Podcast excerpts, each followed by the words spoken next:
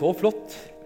Da skal dere få lov å sette dere litt. Nå har dere stått siden vi begynte. Jeg syns dere er kjempeflinke. Eh, så fint. Eh, så utrolig deilig å endelig kunne få lov å tale litt igjen. Eh, når vi jobber i kirken, og hvis man er litt sånn taletrengt, sånn som jeg er, så kjenner man at hvis ikke man får gjort det på en stund, så går det utover kona. Så i går kveld og i forgårs har det gått utover kona og svigerfamilien. Eh, og nå skal det gå litt utover dere. Men det tror jeg dere klarer å leve fint med. Og altså, Man blir jo litt passiv da, i denne eh, covid-koronatiden. Man, man, blir liksom litt sånn distansert, man blir litt passiv, man blir litt lat. Eh, og det er på en måte en av mine største hemskoer, er at jeg kan bli fryktelig lat. Jeg elsker å sitte og spille PlayStation i timevis og ikke gjøre noen ting. Og, korona legger jo opp til akkurat det. Eh, så da er det å, å skru på litt eh, og være litt på. Og eh, vi har jo denne våren snakka om å ha disippelliv i praksis. Og Forrige uke så var Marianne Braseth her på pinse og snakket om Den hellige ånd. At vi alle er gitt den hellige ånd. Det er lagt strøm inn i huset hos hver den som tror, og det er bare å skru på bryteren. Eh, og Jeg har tenkt litt på det i det siste, siden Marianne var her. At eh, ja, men nå må jeg jo sette, sette i gang og få skrudd på den bryteren. Så jeg skal i dag snakke om å dele Jesus i hverdagen. Og I forgårs, på fredag, så sendte kona meg på butikken for å handle noe jeg trodde bare var litt, men jeg endte jo opp med en svær handlekorv. Eh, og så eh, sendte jeg ei jente foran meg fordi at jeg hadde mye, mye mer varer enn det hun hadde. Eh, og så gikk hun foran, betal, skulle betale, og så fikk hun ikke eh, betalt. Eh, kortet ble avvist, det andre kortet ble avvist. Jeg tenkte bare Yes! Nå kan jeg vise Guds kjærlighet. Og så kjente hun de som sto i bånn av kassa. Så da gjorde de det isteden. Eh, så jeg kjente bare Jeg som hadde lyst til å vise Guds kjærlighet gjennom den handlingen. Men hun sa følgende Å, takk Gud for at dere sto der. Så da må jeg gå litt i meg sjøl av og til og tenke at det er ikke bare du, Stian, som er utsendt til folk. Det er faktisk Jeg har mine disipler som er påskrudd eh, overalt på hele planeten. Nå sitter lille Kirsti og hysjer på meg her. Hvis jeg kan få lov å prate, så er jeg veldig takknemlig for det, Kirsti. Eh, men i dag skal jeg tale om det å gå ut og dele evangeliet. Og prøve å gjøre det på en mest mulig naturlig måte. Altså Det å evangelisere det handler ikke om at vi skal ta på oss en maske eller ta på oss en kappe og fly rundt på natta og leke Daredevil eller Supermann. Men det handler om at det som brenner midt inni vårt hjerte, skal få lov å deles med de menneskene som ikke har den samme ilden som brenner. Og jeg pleide å ha Altså, jeg har hatt både oppturer og nedturer med det å dele evangeliet. Og tanken på evangelisering generelt sett. Og tidligere møter med akkurat dette har vært mislykka forsøk. Jeg har eh, bomma mer enn én en gang.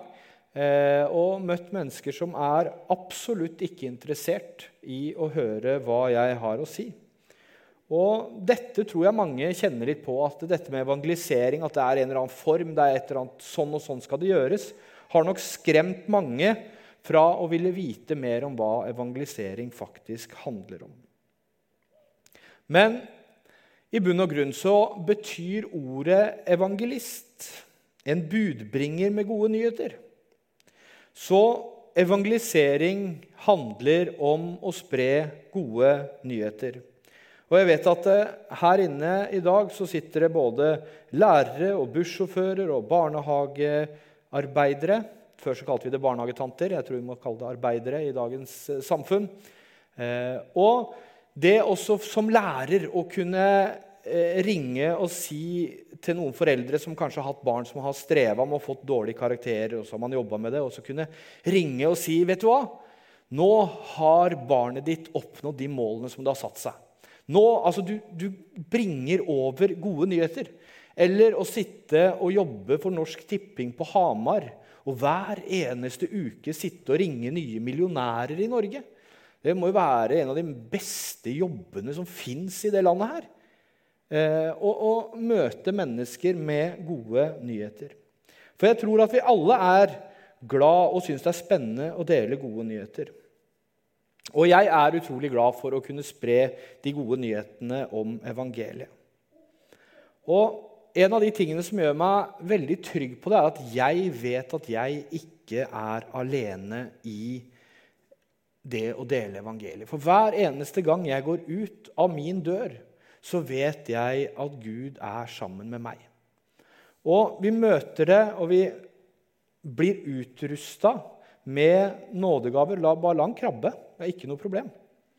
Eh, han blir ikke synlig på den skjermen allikevel. Og den gaveutrustninga som vi har, eh, den kan brukes, og Gud ønsker å bruke den på veldig mange forskjellige måter. Noen har kanskje barmhjertighetens nådegave. Og det å møte mennesker med barmhjertighet, det er en fantastisk møte, en måte å møte mennesker på. Men så er det da en del misforståelser rundt det som handler om evangelisering og det å dele Jesus i hverdagen. Så jeg tror kanskje vi må ta også bare gå gjennom noen av disse misforståelsene. Hvis noen kunne henta litt vann til meg, så hadde jeg vært superhappy. Misforståelse nummer én. Målet er kun å frelse folk. Og mange av oss tror at det å evangelisere så er målet eller oppgaven det er å frelse den andre personen som vi møter. Men jeg kan garantere deg en eneste ting med 100% sikkerhet. At det er ikke du eller jeg som kan frelse noen. Det er det bare Gud som kan. Og jeg tror at vi, når vi lever i våre hverdager, må ha et mye mer langsiktig perspektiv om hva det handler om, og hva som skjer når noen skal ta imot Jesus. Jeg har faktisk møtt spørsmålet Hvor ville du havnet hvis du døde i kveld? Er det noen av dere andre som har hørt det spørsmålet? Hvor hadde du havna hvis du hadde dødd i kveld? Er det virkelig spørsmålet vi burde stille? altså, Ole Hallesbys helvetestale funka i 1953. Jeg tror ikke den funker så veldig godt i 2021. Så kanskje spørsmålet heller burde være hva skjer når du våkner opp i morgen? Hvordan ser dagen din ut da? Altså, Ikke misforstå meg, frelse er viktig. Det er noe av det viktigste. Men for en evangeliseringsprosess så stopper det ikke opp når noen tar imot Jesus. Målet vårt bør være en forkynnelse av de gode nyhetene som gjør at vi kan utvikle oss sammen med de menneskene vi møter. At vi går sammen med dem på en reise. At ikke det bare er et, en ettstegsprosess der vi forlater dem når vi har oppnådd målet vårt med å frelse dem. Jeg tror vi trenger å være venner. Jeg tror vi trenger å være gode naboer. Jeg tror vi trenger å være åpne både i måten vi er på, og måten vi skjøtter hjemmene våre på. Jeg har det som regel alltid ryddig. Første gangen folk kommer på besøk. Eh, og det er fordi at jeg ønsker ikke at rotet hjemme hos meg skal hindre menneskene som kommer inn, fra å faktisk være sammen med meg. Og jeg tror at Hvis du tenker litt over det, hvis du har vært hos noen som har det veldig rotete første gang du kommer på besøk, så fester det seg, og det vil alltid være en forstyrrelse i møte med disse menneskene hjemme hos dem. Så, så, det ligger en sånn forstyrrelsesprosess. Så det handler om at vi må være litt kloke. Vi må være litt smarte. Og dåpsfar og jeg vi har spilt en del sjakk sammen. Og til å begynne med så var Martin ikke verdens beste. I dag så er Martin og jeg like gode. Eh, og ja, de er like gode. Det vil jeg definere det som. Og Så Martin han har lært dette underveis. Og jeg tror at hvis vi tenker på det samme med det å dele evangeliet, at vi er alltid på en vandring. Vi lærer litt sånn underveis. Eh, og før så satt jeg Martin i skolematt. Det er A4 spring, Ja, jeg trenger ikke ta det. Eh, men i hvert fall. Det er fire trekk sjakk matt. Og det skjedde et par ganger. Eh, nå skjer det aldri igjen. Og jeg tror at vi kan gå inn i noen feller når vi skal evangelisere. Og det er misforståelse nummer to. At trossetninger, apologetikk, er viktigere enn de erfaringene vi har sammen med Jesus.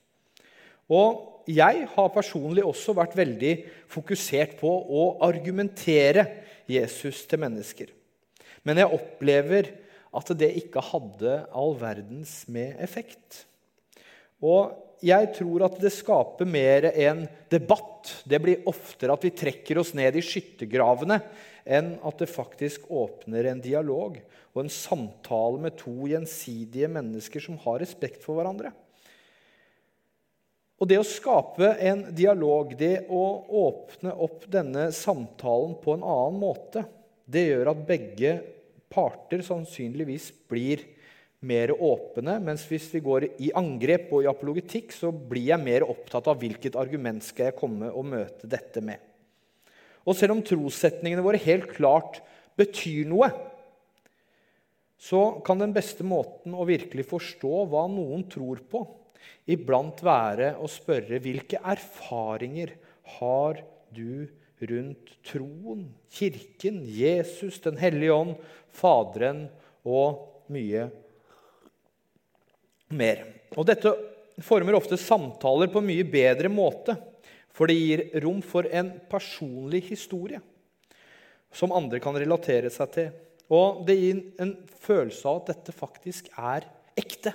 Dette her er ikke bare på Altså, Jeg har opplevd at mennesker som har skulle tatt på seg evangelisten, så prater de mye fortere, og det er ja, halleluja, vet du, og Herren ser deg. Og det, er jo, det blir en helt annen person så fort de skrur på evangeliseringsprosessen sin. Eh, men jeg tror at når vi er ekte altså Jens Petter Jørgensen sier det at vi må, vi må snakke sant om livet, og vi må snakke sant om Gud. Og jeg tror at når vi åpner samtalen og gir rom for personlige historier og som andre kan relatere seg til, så gir det ofte en sterkere følelse av at dette er ekte, enn når man bare diskuterer teologiske poenger. Og Der har også Martin irritert seg over meg og sagt til meg, 'Stian, nei, ikke si det sånn.' Ikke si det sånn. For da har jeg hatt teologi på skolen og bruker store teologiske ord som nesten ingen skjønner. Og da sier Martin nei. Det, det kan du bare drite i. Ta, ta det på nytt igjen. Og det å spørre Tror du det finnes mer mellom himmel og jord enn det vi klarer å se, begripe og forstå? Har du hatt noen åndelige opplevelser? I stedet for 'Hva tror du om Gud?' 'Hva tenker du om eklesia?' Oh ja, 'Hva tenker du om de eschatologiske perspektivene på sotrologien?' da? Det er det mest lokka spørsmålet du kan stille et annet menneske. Og trossetninger handler ofte om hodekunnskapen og vil vanligvis starte diskusjoner. Men vi vil ikke bare argumentere for Jesus. Vi ønsker å vise Jesu kjærlighet, Jesu kraft, Jesu visdom. Vi ønsker å vise det med livene våre, ved historiene våre og måten vi er på hele tiden. Og så er det ikke alltid når jeg kjefter på ungene mine, at jeg er så veldig Jesus-sentrert. Det kan jeg jo være ganske ærlig på. Men jeg elsker disse barna, og jeg ønsker alltid å være et forbilde i troen. Og For å gjøre det så er erfaringene viktigere, fordi de er følelsesmessige. De kommer fra hjertet. De bærer med seg noe av hva vi er. Og de er fulle av innhold som ikke handler om å argumentere, men om å føle noe på en nær måte.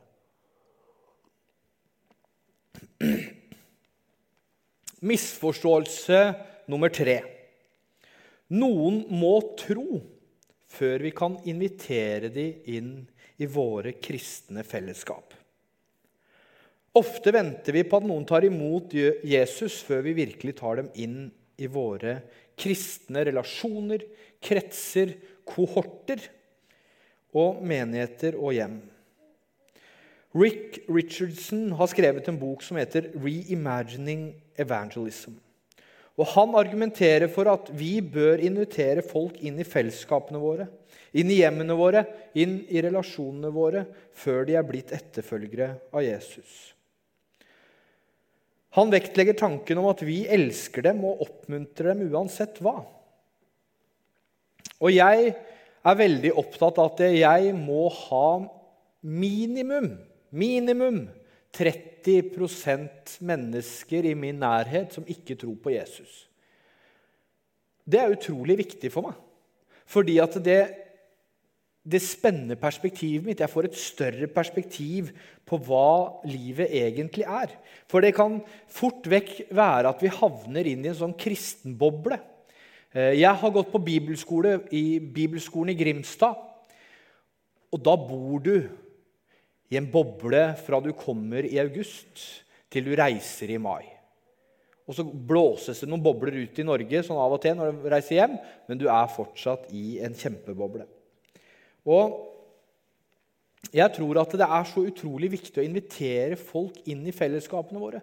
Inn i hjemmene våre. Altså ditt, ditt hjem. Det er kirken der hvor folk er. For kirken er ikke dette bygget. Kirken er menneskene som fyller bygget. Og der du er, der er kirken. Så der du bor, det er kirke. De du inviterer hjem på terrassen for å grille på, på en helt vanlig hverdag, så er kirken til stede fordi du er til stede der. Og jeg tror at det, uansett hva, så handler det om at vi må invitere mennesker inn lenge før de tror på Jesus. Og det gir et bedre uttrykk for fellesskapet vårt enn å dele opp grupperingene våre.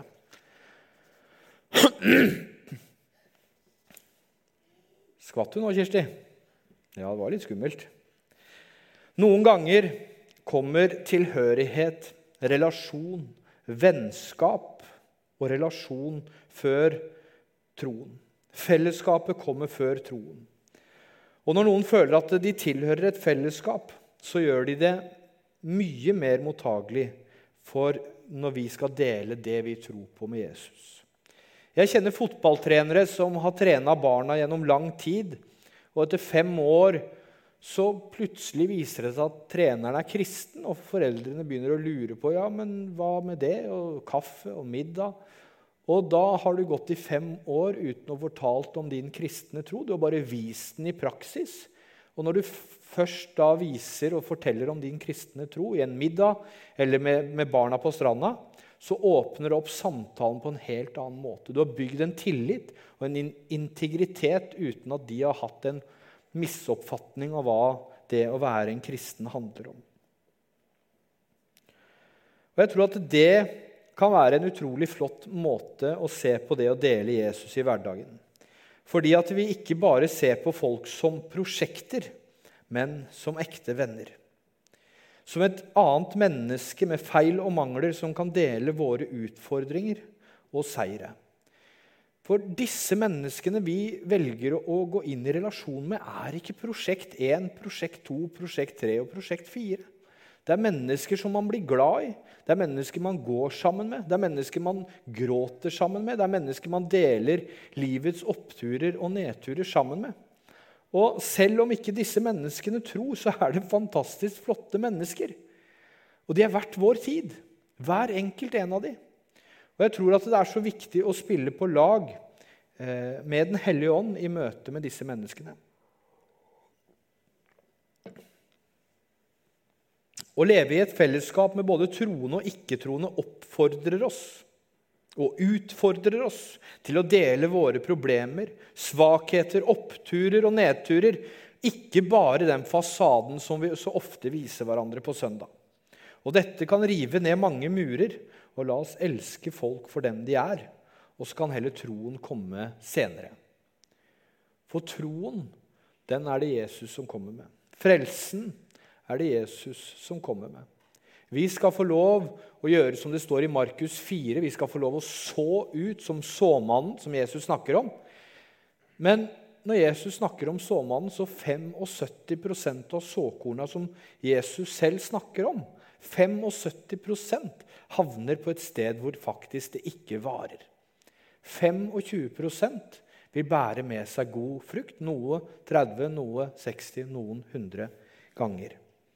Så jeg tror at vi skal ikke, vi skal ikke gjøre dette til noe sånn herre Å, ja, men sånn og sånn og sånn skal man dele Jesus i hverdagen. Nå har jeg formel 1, formel 2 og formel 3.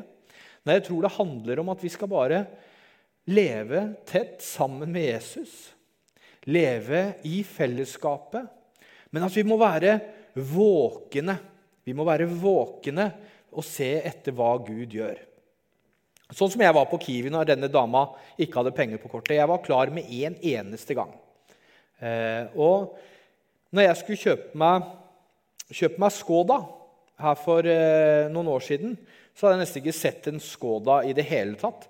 Men idet jeg skulle kjøpe meg den bilen her, så plutselig begynte den å dukke opp overalt. Fordi at fokuset mitt var på den type bil. Og jeg tror at det, hvis vi retter fokuset vårt mot det å se etter muligheter til å dele evangeliet, helt normalt, så vil mulighetene begynne å by seg selv mye oftere enn det vi tror. Jeg opplever det når jeg er ute og går, jeg opplever det når jeg er på treningssenter, jeg opplever det når jeg var på golfbanen. Senest i går så opplevde jeg at jeg fikk lov å dele troen min med to stykker som ikke trodde, men som var villige til å høre på min historie og det jeg hadde å dele med dem. Og så aner jeg ikke om det gir utslag, men jeg er ikke gitt et større mandat enn å så ut såkornet. Og så skal Jesus sende noen arbeidere seinere som skal møte de på et annet tidspunkt og lede de videre på den veien. Som venner og i relasjonene. Misforståelse nummer fire. Vi må gjøre evangeliet så enkelt, og vi må forenkle det ned i minste detalj. Og jeg tror du aldri, aldri Det er ikke ofte jeg får lov å bruke det ordet, for da sier sønnen min at 'pappa, aldri' det er et veldig stort ord. Virkelig kunne si 'dette er hele evangeliet' i fire punkter. Sannheten er at evangeliet er så stort, så dypt og har så mye med seg. Den har historier om Jesus og alt det omfatter, og du kan ikke bare tenke at dine fire poenger til frelse kan være alt noen trenger å høre. Og det er nesten grenseløst, alt som kan sies om evangeliet. Jeg tror du aldri blir ferdig med å lese Bibelen. For den vil alltid komme med noe nytt. Og Den hellige ånd gjør denne boka her levende. Så jeg tror at når du og jeg skal gå og dele denne boka, dele evangeliet, dele vår historie med Jesus Kristus til mennesker Idet de leser denne boka, så oppfatter de det, og den gjør seg levende, og Jesus møter de akkurat der de er. Jeg har møtt mennesker som har vært veldig opptatt av dom. Så når, hver gang de åpner denne boka, så er det dom. Fra ende til annen. Det er det eneste de leser. Og så har jeg noen som er bare opptatt av nåde. Så det eneste de leser i denne boka, er nåde. Synd og rettferdighet. Men jeg tror at den gjør seg levende med de brillene som de menneskene som leser den, tar på seg. Dessuten, hvordan du og jeg snakker med noen om Jesus, er veldig avhengig av de brillene som vi ser Gud med. Hovedtemaet vårt bør alltid og skal alltid være Jesus Kristus og han oppstanden. Men vi skal aldri prøve å forenkle evangeliet for mye. I Hebreerne kapittel 12 vers 2 så står det med blikket festet på Han som er troens opphavsmann og fullender Jesus Kristus. For å få den glede han hadde i vente, holdt han ut på korset uten å bry seg om skammen, og har nå satt seg på høyre side av Guds trone. Som Øyvind delte innledningsvis, jeg løfter mine øyne opp til fjellene. Jeg løfter blikket på Han som er troens opphavsmann og fullender. Og Når vi løfter blikket og får det faste fokuset, så tror jeg at det å dele evangeliet i hverdagen, det faller naturlig. Det blir ikke noe man tar på seg, det blir ikke en kappe man tar på seg. Men vet du hva? Gud har allerede vært der. Før du er der, så har Gud vært der. Og Hvis du velger å bruke de gavene som Gud har lagt ned i deg, så skal du virkelig få lov å se hva han kan gjøre gjennom deg. Tilnærm deg evangeliet og mennesker med nysgjerrighet, med en barnslig tankegang, der du aldri helt vet alt, verken om evangeliet eller om mennesker. Og det er en utrolig stor følelse av lettelse når du kan fortelle deg selv at du vet ikke alt. Du vet ikke alt. Du får ikke til alt. Martin vinner ikke over meg i sjakk hver gang. Og det er helt greit. Det gir Den hellige ånd rom for å arbeide med tankene våre, med følelsene våre. Og Det blir ikke satt i en formel for hvordan du og jeg kan legge fram evangeliebudskapet på den perfekte måten. Fordi det ser så annerledes ut fra gang til gang. Og det kan oppleves så totalt uavhengig av situasjonen. Og situasjonen kan også bestemme det så utrolig mye. Tillat Den hellige ånd å jobbe blant dere i de situasjonene som oppstår. Så kjør på. Del evangeliet med naboer, med venner, kjente og ukjente. For du vet aldri hva som ligger og venter når du og Den hellige ånd jobber sammen. Skru på bryteren. La Den hellige ånd lede dere inn i dette. Og det er helt greit at ikke du får til alt. La oss be. Takk, gode himmelske Far, for at du har kalt oss til å gå ut og dele de gode nyhetene om ditt rike. Takk, Herre, for at dette er ikke noe vi gjør alene. Dette er noe vi gjør i fellesskap med menigheten, med deg, Herre. Den hellige ånd virker i oss og gjennom oss. Vi står ikke som foreldreløse barn når vi er ute og gjør dette. For du er med oss. Når vi står i køen på Kiwi, når vi går på Sørlandssenteret eller i Kvadraturen, eller når vi står ute og klipper gresset på Grødum, så er du der, Herre. Og du vil åpne en vei.